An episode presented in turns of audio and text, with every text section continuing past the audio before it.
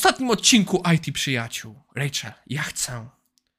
Google, ja chcę znaleźć, znaleźć skórki, skórki do Visual Studio. Do Visual Studio. Ja chcę znaleźć skórki do Visual Studio.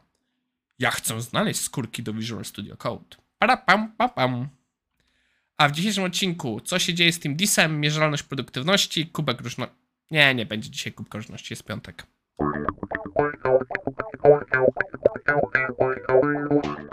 Mamy odcinek 333, 333, 333, 3 trójki. Tak, 3 trójki. Dobra, mógłbym jeszcze coś powymyśleć, ale nie mam głowy. Um, a więc zaczynamy w końcu tygodnia trojniarza. Nie, to nie brzmi za dobrze. Um, końcu tygodnia ma też.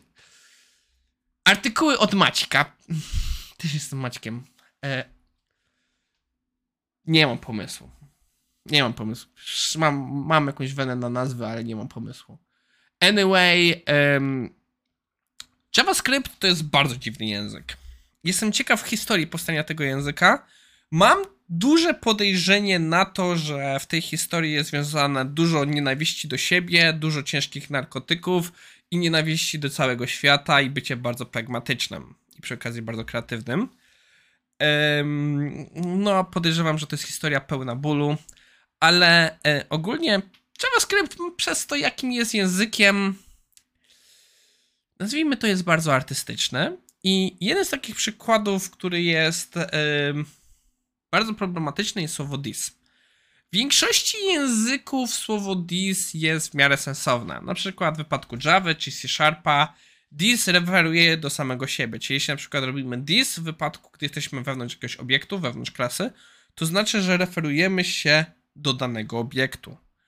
Niestety e, tam jest parę trochę innych zależności i na tyle, ile wierzyć w historii, to próbę zrozumienia this w wypadku JavaScriptu to jest e, podróż przez świat Lovecrafta, ale e, Kapil Kokane uważa, że jednak to nie jest takie skomplikowane. Ba, narysował bardzo ładną grafikę, która to prezentuje.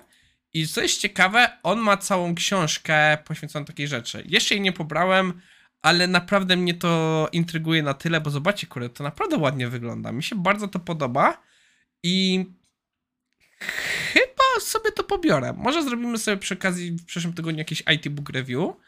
Um, podejrzewam, że w momencie jak wy też będziecie oglądali, już sobie pobrałem tę książkę, więc może nawet w komentarzach się do niej odnios odniosę. Um, całą dyskusję na temat tego Disek tutaj działa. Sorry, jest piątek, mamy odcinek 333, nie będę się bawił w takie szaleństwa. Anyway, naszym ostatnim artykułem na dzisiaj, e, jak widzicie, dzisiaj mam w bardzo taki jakiś, nazwijmy to prześmiewczy dzień, jest e, artykuł na temat, żebyśmy przestali mierzyć produktywność. I znowu jest to ciekawy artykuł, bo moim zdaniem wszystko, co potrzebujecie wiedzieć, jest zawarte w 5-sekundowym summary. Po pierwsze, 5-sekundowe summary nie jest 5-sekundowe. Może spróbujemy policzyć. Zaczynamy teraz. Productivity metrics are outdated, counterproductive way of measuring human impact on the world while humans are focused on producing ideas versus widgets. Using output over time to measure a knowledge worker performance ignores the quality of the output and the results it led to.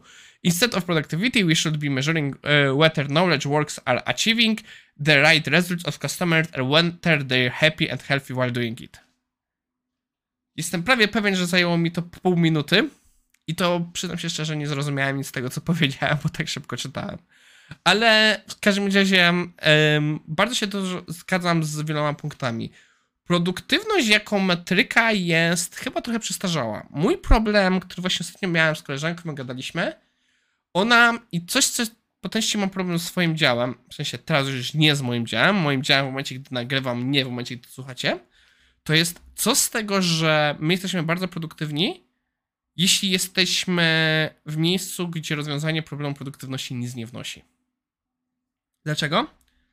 Co z tego, że potrafię być bardzo produktywny, jeśli na przykład, żeby były dobre wyniki, potrzebuję mieć więcej projektów. Jeśli te projekty nie przychodzą, no to moja produktywność idzie w to, że ludzie mogą się rozwijać.